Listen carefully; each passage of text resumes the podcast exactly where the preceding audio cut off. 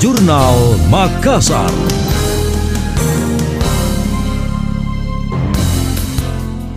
Saya Emil Faris dalam Jurnal Makassar. PLT Gubernur Sulawesi Selatan Andi Sudirman Sulaiman mengatakan tetap menyediakan layanan fasilitas isolasi terintegrasi atau FIT Pemprov Sulsel dalam upaya mengantisipasi puncak gelombang ketiga COVID-19 yang diprediksi terjadi akhir tahun. Selain FIT, Pemprov Sulsel juga tetap membuka posko Satgas COVID-19 yang berlokasi di RSKD Dadi Makassar. Sudirman mengakui gelombang ketiga COVID-19 masih mengintai. Pihaknya tetap mengambil langkah preventif demi mencegah hal-hal yang tidak diinginkan. Pertama kita tentu berdoa mudah-mudahan gelombang ketiga tidak terjadi. Yang kedua tentu dengan rujukan kemarin itu bisa menjadi standar baku.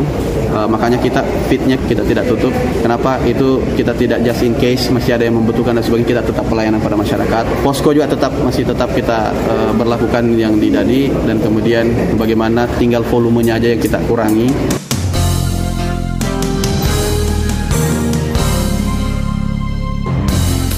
Di sisi lain, meski kasus COVID terus turun, Andi Sudirman belum memastikan untuk mengeluarkan aturan larangan mudik Natal dan Tahun Baru. Sudirman mengaku masih menunggu perkembangan lebih lanjut kasus positif di Sulsel. Anda masih mendengarkan Jurnal Makassar dari Radio Smart FM.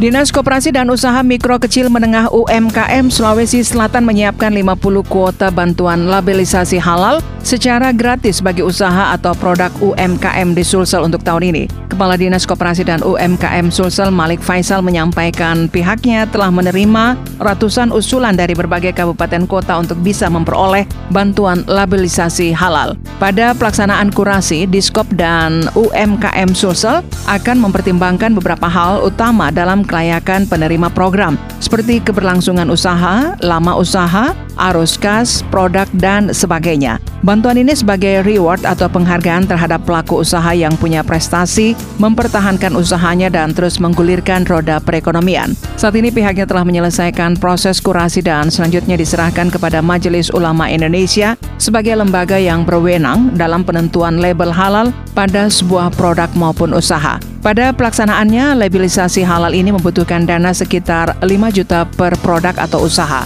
sehingga Pemprov Sulsel harus mengeluarkan dana sekitar 250 juta lebih untuk program ini.